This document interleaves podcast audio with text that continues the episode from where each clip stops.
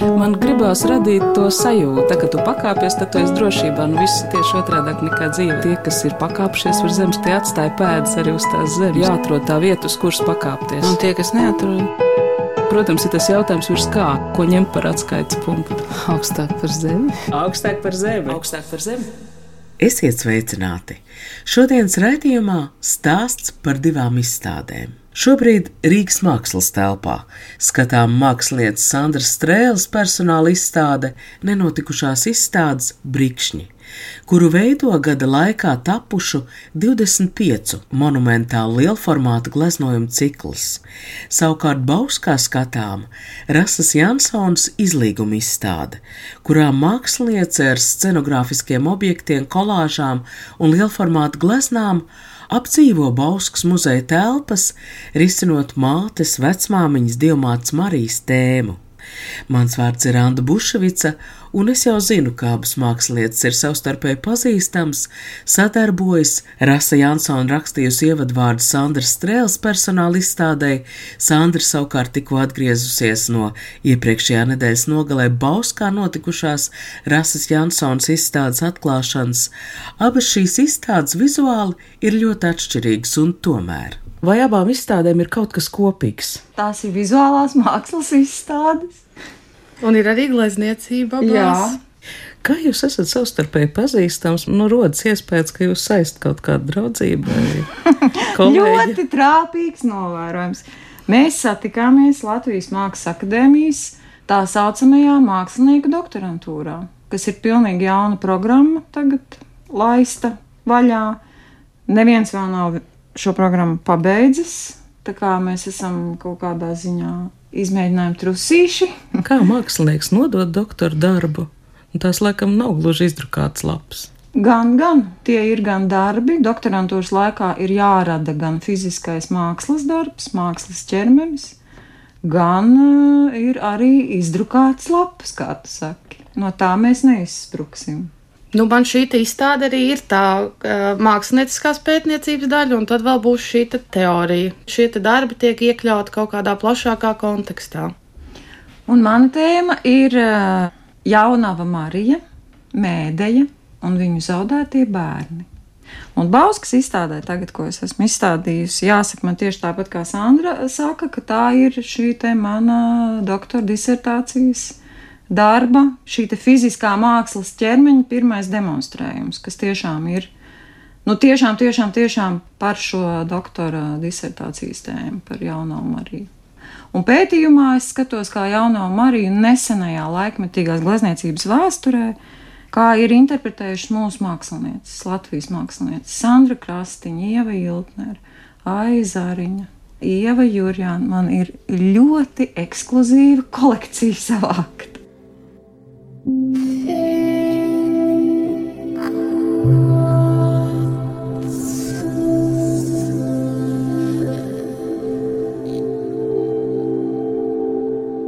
Sānus izstāde nozīmīga ir ne tikai šī jaunas gleznotājas tā spēja parādīt, lūk, šo te es paveicu gada laikā, un tas ir ārkārtīgi svarīgi īstenībā, ja, jo visi tie 25 milzīgie lielformāti faktiski tie ir uzgleznoti gada laikā. Tas vien jau ir. Iejot Rīgas mākslas telpā, pirmkārt jau jāsaka, ka telpa ir ļoti piemērota lielizmēra darbu izstādīšanai. Daži no darbiem piesaista skatienu ar pietuvinātu objektu konkrētību, un tad ir tādi, kurus Rasa Jansona dēvē par ainavām - sarežģīti, savīti, daudzplākšņains realitātes nospiedumi.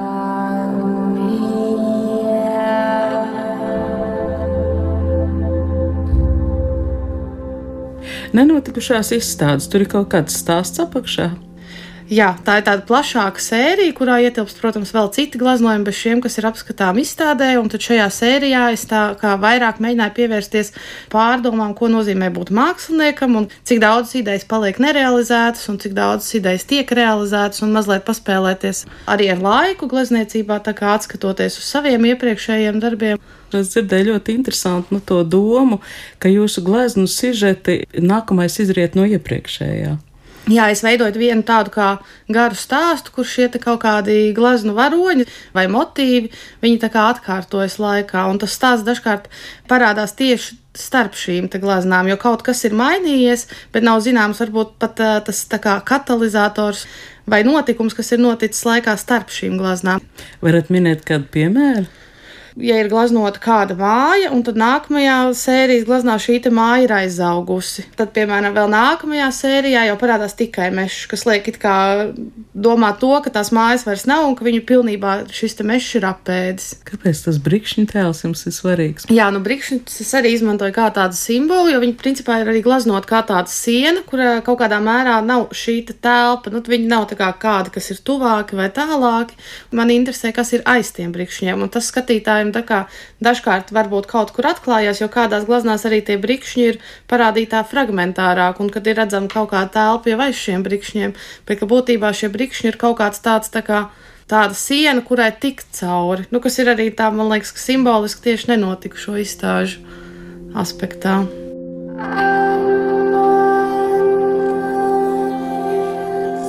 Rasa Jansona raksta Sandra Strēles personāla izstādes ievadvārdos. Nosacīti, Sandra varētu ievietot Latvijas glezniecības visdrošākā, tradīcijām bagātākā un skatītāja mīlētākā žanra ainavas glezniecības lauciņā. Uz to vedina pats izstādes nosaukums, kurā ietverts tipiskākais Latvijas ainavas raksturlielums - brikšņi. Sīku smalku krūmāju un kritālu pelēcīgais pinums, kur savā glezniecībā ir izcinājuši tādi ainavas žanra interpreti kā Andris Eglīts un Dāca Lielā, tomēr Sandra risina ainavu pa savam iekļaujot tajā ne tikai rotaļīgi dekoratīvus elementus, piemēram, sēnes, kas spēj augt gan basēnu ūdenī, gan uz blokmāju jumtiem, bet arī nodemonstrējot spēju pašpietiekam dekoratīvu, acītīkam glezniecību, ievietot lielākā intelektuāli izsvērtā sistēmā. Kāda ir Sandras glezniecība? Nu, Sandras glezniecība man patīk, ka viņa tā pirmajā tādā uzmetienā, viņa ir, nu kā lai mēs to nosaucam, tāda vēsā, elegantā, tāda neplosošā glezniecība. Ja viņa tev tā nemetās uzreiz pie rīkles vai pie sirds. Bet tad, kad tu lēnām, lēnām, lēnām izstaigā to visu, un tad, kad tu lēnām iepazīsties ar visiem tiem it kā otrā, un trešā un ceturtā līmeņa spēlētājiem, kas tur parādās tajos brikšņos vai tajos ar asinīm pielietajos baseinos. Tu saproti, ka tas satraukums un tā krišana pie sirds vai pie rīkles, kas Andris gadījumā tiek izspēlēti pilnīgi citādi, ja ne caur kaut kādu ekspresionismu, bet ka viņa piemeklē šo, nu, piemēram, šo dārza rūķi, ja viņš man vienkārši satriec, tā man mīļākā glezna ir izstādē, ja. Šajos vēsajos toņos ir tāda nomaldījušies dīvaini dārza rūķi pēkšņi parādās tajā it kā skaistajā, it kā tajā tādā cēlajā ainamā. Jā. Nenotikušās izstādes brikšņi būtiska daļa ir arī Sandra Strēls, katrai gleznai sarakstītais pastāstiņš. Tas izlasāms izstādes bukletā, un tie ir pat ne pastāstiņi, drīzāk tāds kā kaudzē sabērts, vizualitāte rosinošas frāzes, tādas kā sapņu atlūzas, Lūk, piemēram, kad es vēl gleznoju, man bija darbnīca meža vidū. Tas bija pirms izstādes. Pie sienām bija izlikti veci darbi, un uz grīdas mētājās baseina maketi, brikšņos zāle un sēnes aug nekontrolēti. Kad es nācu gleznot, es katru dienu tās izravēju, lai telpa neaizaugtu. Jā, sēnes es izmantoju, gan man ļoti daudz ir uzdevuši šo jautājumu par sēnēm, vai tās ir halucinogēnās vai nē. Sākotnēji es viņas izmantoju kā vienu no senajiem augiem, Jo pētot, saka, augu attīstības vēsturi, sēnes parādās viens no pirmajiem, kas jau ir datējams ar vairāk nekā 400 miljoniem gadu atpakaļ. Un tad šīs sēnes, protams, neizbēgami iekļaujas šajos glaznojumos, un tāpēc arī tie brikšņi, kas parādās, viņi bieži izskatās tādi mazliet pasakaini, jo tie augi, kas tur ir glaznoti, viņi ir tādi seni, mūsdienās principā lielākā daļa vairs neeksistējoši.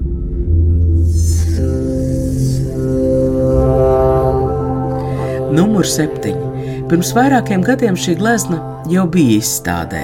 Tas bija pirms četriem gadiem. Kaut kas ir mainījies, baseina ūdens kļuvis sarkans. Peldbaseins man jau ir diezgan uh, sen kā tāds motīvs, kas ir um, tāda kā atsauce uz hoknīgu glaznām, lēciens basēnā ar šļakatām šis tas plašs.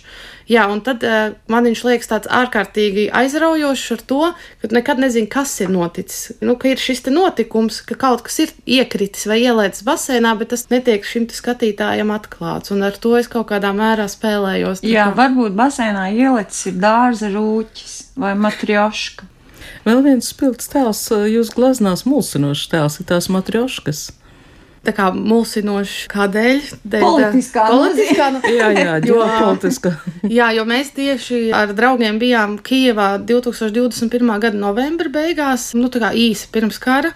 Un būtībā jau Ukrāņi jau tajā laikā uzsvēra, ka matroškas tās ir Ukrāņu nevis krievu. Tā kā vienkārši kaut kā ir pieņemts Latvijā, ka viņas asociē ar Krieviju vairāk.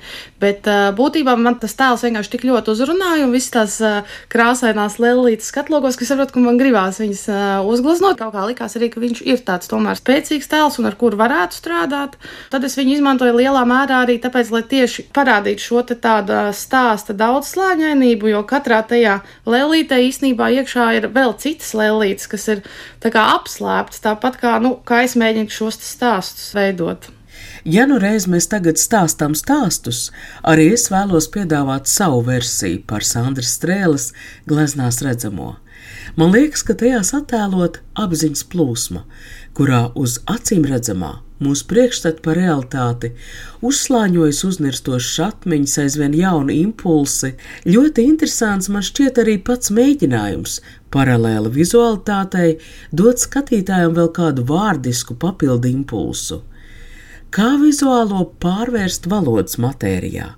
Par šo ar Rasu Jansonu mēs jau kaut kad esam sarunājušās. Tu stāstīji, ka tu saviem kolēģiem akadēmijā mēdz jautāt, nu, lai viņi vārdiski raksturo kādu darbu. Un tas pārsteigums ir, cik vienu un to pašu darbu katrs apraksta dažādi. Jā, jā, tas ir neizmērojams un nebeidzams prieka avots, nonākot kontaktā ar vizuālo mākslu ja tu to nebaudi viens pats, bet tur ir vēl kāds cilvēks blakus. Tas vienmēr, vienmēr ir pārsteidzoši. Pilnīgi kaut ko citu redz profesionāli mākslinieki, pilnīgi kaut ko citu redz tiksim, cilvēki, kas glazno, un mākslinieki, kas neglazno. Pilnīgi kaut ko citu redz cilvēki, kas vispār nav no mākslas sfēras. Tas vienmēr ir ārkārtīgi interesanti. Vajag vienmēr iet uz izstādēm ar kādu kopā un kaismīgi parunāt darbu priekšā. Bet, Sandra, kāpēc jums ir vajadzība stāstīt šos stāstus, tos vispār uzrakstīt? Man vienmēr tas ir kā kaut kā gājis kopā. Jūs vispirms formulējat ideju un tad gleznojat? Nu, es parasti idejas pierakstu uz lapas tā viena pēc otras, un tad es viņas tā kā atsijāju, un tad ir kaut kāds glazns, ko es uzgleznoju, izsvītroju ārā, un tad ir kaut kāds atkal, ka tā secība pamainās, kā tas stāsts veidojas.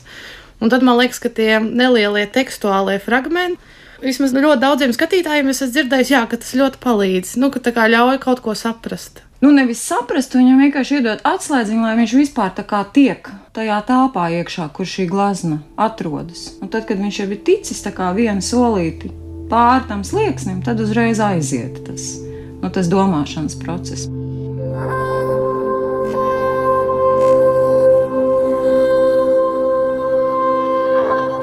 Sandra Strēls personāla izstādes ievadvārdos Rasa Jansona risina vēl kādu tēmu, tulkojot izstādes nenotikušās izstādes brikšņi nosaukumu. Šādiem lielformātu darbiem ir grūti atrast piemērotu izstāžu zāli, un brikšņi arī nenotikušās izstādes iespējams šobrīd raksturo situāciju ar joprojām neuzcelto laikmatīgās mākslas muzeju.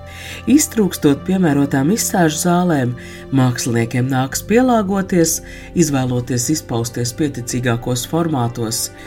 Gada sākumā Latvijas Rādio 3 klasika raidījumā Mākslas vingrošana izskanēja intervija ar Sandru Strēli, kurā diezgan abizantā veidā atklājās, ka māksliniekam pielāgoties patiešām nākas. Tie ir lielformāta darbi, un klausoties šo interviju, es tā mazliet sasmējos, vai taisnība šie darbi sastāv no plāksnēm, ka sākotnēji tas esot bijis atkarīgs no darbnīcas, no telpas izmēra. Jā, nu būtībā tie ir audekli, bet tie ir tādā konkrētā izmērā veidoti, ka viņus var kā paneļus savā starpā savienot un kombinēt, un tad, jā, darbnīcas izmērs, protams, ir ierobežota telpa, un tad Cik nu tās viena lielākā siena atļauj, tik liela ir arī tā glazna. Viena no. Kāpēc lielformāta darbi? Nu, laikam tas ir tas, kā es strādāju un kā es jūtu to glezniecību. Tas liels formāts viņš ir tāds, nu, viņš prasa kaut kādu citu veidu šo fizisko darbu, kas man arī noteikti patīk. Jā, es kaut kā vienkārši jūtos brīvi un es jūtos iedvesmot, kā skatoties arī uz lieliem, baltiem, tukšiem audekliem, kas nav tāpat ar mazajiem. Jo, protams, ka es strādāju arī uz mazākiem formātiem, piemēram, veidojot kaut kādas skices vai tādas ātrākas idejas, bet jā, tie lielie audekli viņi vienkārši ievelk jau esot balti. Pamatīgas pūles apdzīvojot Bauskas muzeja trīs zāles, pielikusi arī Rasa Jansona pati savā izlīguma izstādē. Nu, svīdu es un divi mani galdnieki, bet man liekas, ka beigās mēs tiešām savācām kopā dažādus žanrus, nu, fiziskā izpratnē, jā, žanrus. Tur ir tiešām gleznas, tad tur ir instalācijas un tur ir kolāžas, un tas viss ir sajūgts kopā vienā stāstā. Jo tur ir tā atšķirība, teiksim, starp Sandras izstādi, ja mēs Nu, kā mēs esam šeit divi tālu, mums ir tiesības salīdzināt. Tagad. Protams, ka Bauskas muzeja telpas ir daudz mazākas. Tās ir tādas tā kā faktiski istabiņas. Viņām ir diezgan sarežģīta savstarpējā tā kombinācija, jo Bauskas muzejs vispār ir kādreizējā Latvijas pirmās brīvvalsts laika viesnīca. Tās ir viesnīcas istabiņas ar zemiem griestiem ar tādiem maziem lodziņiem. Tas nav vispār celts kā kaut kas mākslā, nu kur nu vēl tur par izpratni par 21. gadsimta mākslas, tur kaut kādām nepieciešamībām un tā tālāk. Nē. Tā ir vēsturiska arhitektūra, nu un tad vai nu to ar viņu sadarbojies, vai nu te viņi izmet ārā. Es sapratu, ka man vienkārši ir, nu, ka man ir jāveido scenogrāfija, ka man ir jādomā vēl kaut kāds viens elements, kas visu to sasies kopā. Protams, stress tas bija drausmīgs, jo es to ieraudzīju tikai pēdējā brīdī, jo viss to, kas mums bija jābūvē, nu tur trīs pāri metriem glaznai, mēs vēl tādu rāmu būvējam, kurā gaismiņas iekšā. Protams, ka to var būvēt tikai uz vietas. Jā. Tas nozīmē to, ka es to ieraugu nu, pāris stundas pirms to ieraugu mani skatītāji. Jo viens ir, ka es esmu izdomājusi, ar zīmolītu uzskicējusi, un, un otrs ir, ka galvenais man ir pateicis, jā, principā to var. Mēģināsim!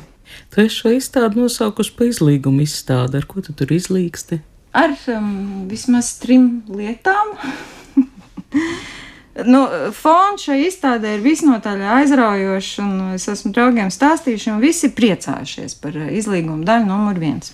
2021. gadā Bauskas novadā iznāca grāmata par Bauskas novadu māksliniekiem sākot no 40. gadiem līdz pat mūsdienām. Atis Jēkabsons, Kata Krāla, Pēters Līde, kas ir dzimuši un, un faktiski ir auguši Bauskas novadā. Un es arī esmu dzimusi un augusi Bauskas novadā, bet es neesmu šai grāmatā. Nu, un tad, kad visi šie pārpratumi noskaidrojās, muzejs pats kā tādu izlīgumu piedāvāja man šo izstādi. Rīkot viņu telpās izstādi, un es tam piekrītu. Tad, kad es aizbraucu uz šo muzeju jau ar domu, ka tur vajadzētu rīkot šo izstādi, tad es uzreiz sapratu, ka jā, nu, ka tajās telpās kaut kas ir, ar ko man gribētos strādāt, ka būs ļoti grūti, Jo tās nav, kā jau teicu, klasiskas tādas izstāžu tāpas. Nu, to es arī risināju. Viesnīcē cienīgs risinājums, es tur redzēju kādu gultas galu. Jā, tieši tā arī ir. Otrais izlīgums šai izstādē ir tas, ka es mēģināju tur tiešām sajaukt kopā šos te vairākos eh, mākslas tos izteiksmes līdzekļus, ja tur ir glazna, kolāža un arī instalācija. Tā, lai tas neveido kaut kādu tādu kakofoniju, tādu nepārskatāmu putru Nu, un tad trešais tas izlīgums ir. Um, Nu, jā, šī diamāts Marijas tēma, kā viņa izspēlējas ar manas ģimenes sievietēm. Jā, es par savu vecmāmiņu, Annu Rozentāli, es vispār citādāk nekā nespēju domāt, ka viņa bija tāda diamāta Marija. Tajā ģimenē, kas pieticīgi, klusiņām, nevienam ne par ko nesūdzoties, ne uz vienu nebrācot. Viņa darīja to savu darbu. Viņa bija deviņu bērnu māte, un šis te gultas gals, darba nosaukums ir altārs. Tas ir mans jautājums manai vecmāmiņai. Bet nav tikai tā, ka tas ir gultas gals. Jūs aizbrauksiet uz izstādi, apskatīsieties. Tur vēl šis tas ir. Mēs jau redzējām fotografijās. Mēs drīkstam to atklāt. jā, jūs drīkstam. Protams, šim gultas galam ir, nu, tur, kur parasti gultas bumbas, ir bērnu cepurītes. Jā, tās ir divas akmens galviņas. Tie divi akmeņi, vēl vispār nedomājot par šo darbu. Es atradu dabā, kaut kur jūras malā, es atradu vienu tādu akmeni, viņš iegulās man rokās, un es uzreiz sapratu, viņam ir bērna zīdainīša galvas forma, nu, vairāk plata nekā augsta. Ja? Tikko kā bērniņš piedzimis, viņam vispār ļoti īpatnēja tā galvas forma. Un tad es viņu tā noliku, un diezgan ilgi viņš man stāvēja, un, un beigās tas viss saslēdzās jā, šādā darbā. Tas akmens, tas smagums. Protams, vienlaicīgi tas ir skaistums. Tev dzimst bērni, viņai bija deviņi bērni, un viņai bērni dzima katru gadu, arī kara laikā. Vecmāmiņai mājās, viņas laulības gultā dzima bērniņu viens pēc otra. Mana mamma arī ir dzimusi vecmāmiņas Annas laulības gultā. Un vecmāmiņas māja, kurā viņa pati dzimusi upes krastā, vēl ar vienu šo māju Bauskā pazīst kā Raganas māja, jo manas vecmāmiņas mamma bija riebēja. Un viņa ir tiešām ļoti netālu no muzeja. Ļoti, ļoti netālu. Viņa sen vairs nepieder ģimenei, bet viņa tur ir. Viņa ir tāda maza zemē iegrimusi, tāda nikna mājiņa. Un tad es teicu to runu un runāju par savu vecu vecmāmiņu, riebē, kas jūt, ka tur no turienes tāds stars. Vietā ir nozīme. Stars nāk uz mani. Tas bija ļoti skaisti. Nu, protams, ka vietā ir nozīme, jo nu, tas jau veido mūs. Nu, man tas ir bijis izšķiroši. Ja? Nu, kā tu no laucnieka kļūst par īdzinieku? Un cik 90. gados tas bija grūti. Tas nebija nekas tāds par sevi saprotams, ka tu iestājies mākslas akadēmijā, ka tev ir uzreiz kaut kāds garantēts stipendijas vai kaut kas, kaut kas tam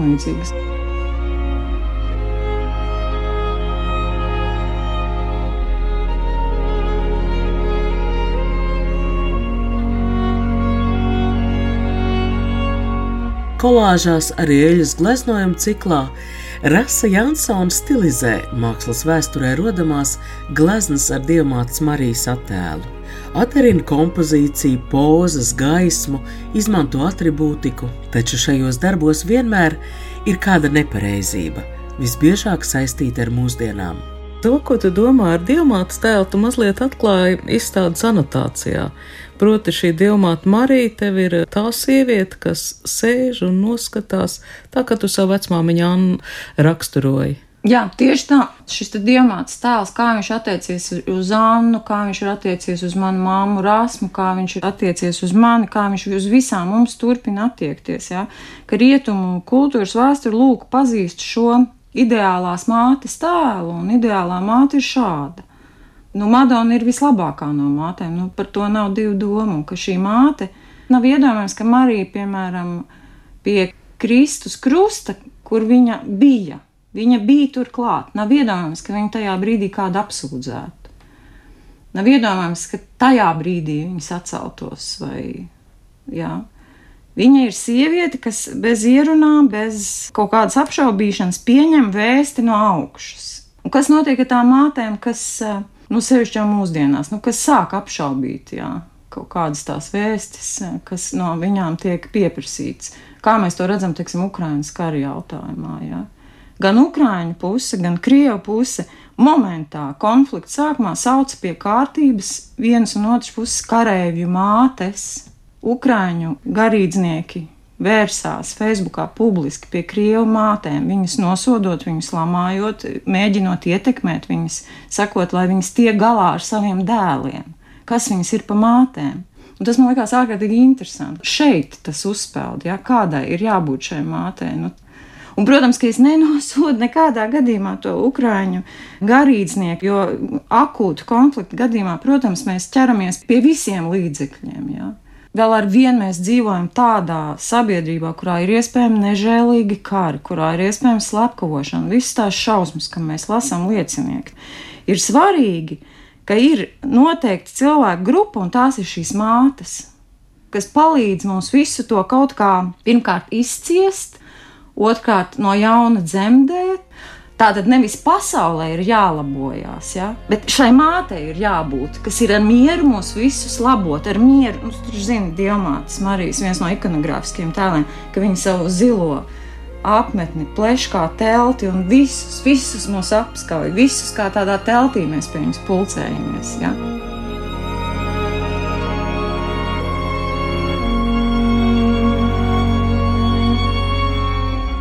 Rasas Jansons, jo īpaši kolāžās, notiek drosmīga spēlēšanās ar šiem pieņēmumiem, bet ja nu jaunās Marijas sejas plīvurs patiesībā ir parāņģa un rokās viņai ir nazis, bet ja nu viņa savu zilo apmetni vēlētos nomainīt pret daudz ērtāko sporta kostīmu. Kādas ir šo laiku mātišķuma pozas ģimenes fotografijās ar bērniem, un vai mazliet kliedzošu lūpu spīdumu neapdraud agrākās mātišķības ikonas? Tad pie manis atnāca viese uz darbnīcu. Tas ir cilvēks, kas vispār neko neinteresējās par glezniecību, nezina mākslas vēsturi. Nu, tas viss ir kārtībā, jo mēs visi nevaram zināt visu. Nu, tas taču būtu vispār. Tad būtu paradīze jau. Nu, lūk, viņa momentā atpazina. Tāds ir diamāts.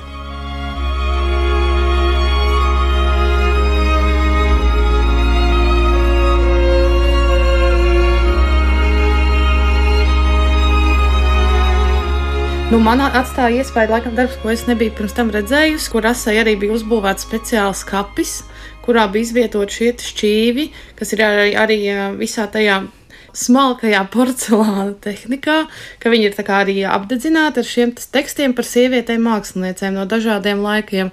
Un tie bija tādi jā, ļoti interesanti lasām teksti. Ar izcilām atzīmēm keramiķa nodaļu pabeidz māja banķiere, kurai viss acīms tikai teicams. Kultūras ministrijas pārstāvis paziņoja, ja absolventi vēlas, viņi var doties darbā par skolotāju. Šis ir citāts no 1959. gada publikācijas laikrakstā Dzimtenes balss, un porcelāna šķīvji ar šādu līdzīgiem citātiem pirmo reizi tika izstādīti Latvijas Nacionālā mākslas muzeja izstādē Atceros, tātad esmu. Neuzrakstītie stāsti mākslinieču arhīvi 2020. gadā. Un toreiz mērķis bija parādīt, kā Latvijas mākslā pagājušā gadsimta vidū plauka visai diskriminējoša attieksme pret sievietēm māksliniecēm, novirzot viņas pedagoģijā vai lietišķajā mākslā, pat īsti neapzinoties to kā netaisnību. Izlīguma izstādē toreiz tapušais darbs iegūs jaunu mērogu šajā mākslas muzeja, Nacionālā mākslas muzeja izstādē. Pirmais šķīvi uznāciens bija, ka tomēr viņiem vajadzēja kalpot tā kā tādam fonam. Es tā gribēju, ka viņam ir jākalpo kā fona darbam, jau mirušu mākslinieču visādos šķūnīšos, bēniņos un nezinu, kur atrast tiem darbiem. Jo šī izstāde tieši tāda bija. Ja. Bija izvilkt ārā sen aizmirstu keramiķu vārdi, atrasti viņu darbiņi un, un viņu eksponēt. Un tad es sapratu, ka, ka man ir jārada darbs, kas šiem darbiem palīdz, bet kas nekādā gadījumā neuzbāžas viņiem virsū. Ja? Jo tie visi, tomēr tie 70. gados radītie darbiņi bija nu, nepārāk liela izmēra un tā. Un es uztaisīju šo šķīvi kolekciju, un pie kā mēs muzejā viņu visu nevarēju izlikt. Tas bija jums pētījums kopā ar mani. Ar Ievu Mēgālu. Mm. Ieva Mēgālu uzsāka pētīt um, Kā nu Covid palaid brīvībā, periodika.cl, kad mēs mājās katrs no savu datoru varējām sākt pētīt digitalizēto padomu laiku presi. Nu, un tad mēs tur izklaidējāmies ar ievu. Viņš šo to tur tādu atrada, un es uzreiz sapratu, ka šis ir vienkārši nu, spīdošs materiāls, ar to ir kaut kas jāiesāk. Tad es izdomāju to šķīvi darbu, bet tagad šeit Bauskā pirmo reizi viss šķīvīši ir eksponēti kopā, kā viens tāds kārtīgs darbs. Jā. Nevairs kā tāda fona, tāda melodija. Jā. Viņi tikuši pie trauku skāpja. Viņi tikuši pie tieši tā, un trauku skāpi mēs tur taisījām, un skicējām, un būvējām, un pārbūvējām. Un es gribēju, lai man ir skats ar eņģeļa spārniem. Lidojošo citātu skapītis.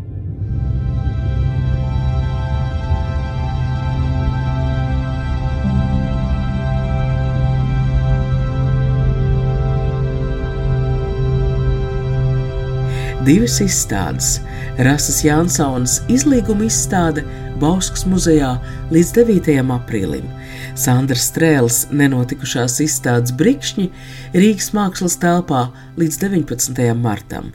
Tās ieraudzīt kultūras notikumu klāstā rosināja Anta Bušvica, par šī raidījuma skaņu gādāja Valdis Raitums. Tā kā tu pakāpies, tad tu esi drošībā. Nu, viss ir tieši otrādi nekā dzīve. Tas ir tā spēle, jā? Tie, kas ir pakāpšies virs zemes, tie atstāja pēdas arī uz tās zemes. Protams, ir tas jautājums, ko ņemt par atskaites punktu. Nē, nu, principā ir skaidrs, augstāk par zemi. Jāatrod tā vieta, uz kuras pakāpties. Augstāk par zemi. Augstāk par zemi. Augstāk par zemi.